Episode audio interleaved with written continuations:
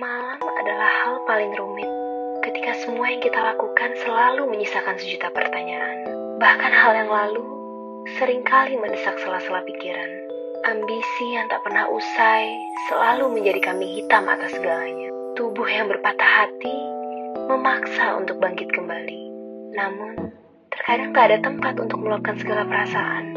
Dan sepertinya, istirahat adalah jawaban atas apa yang belum bisa kita dapatkan bukan berarti menyerah.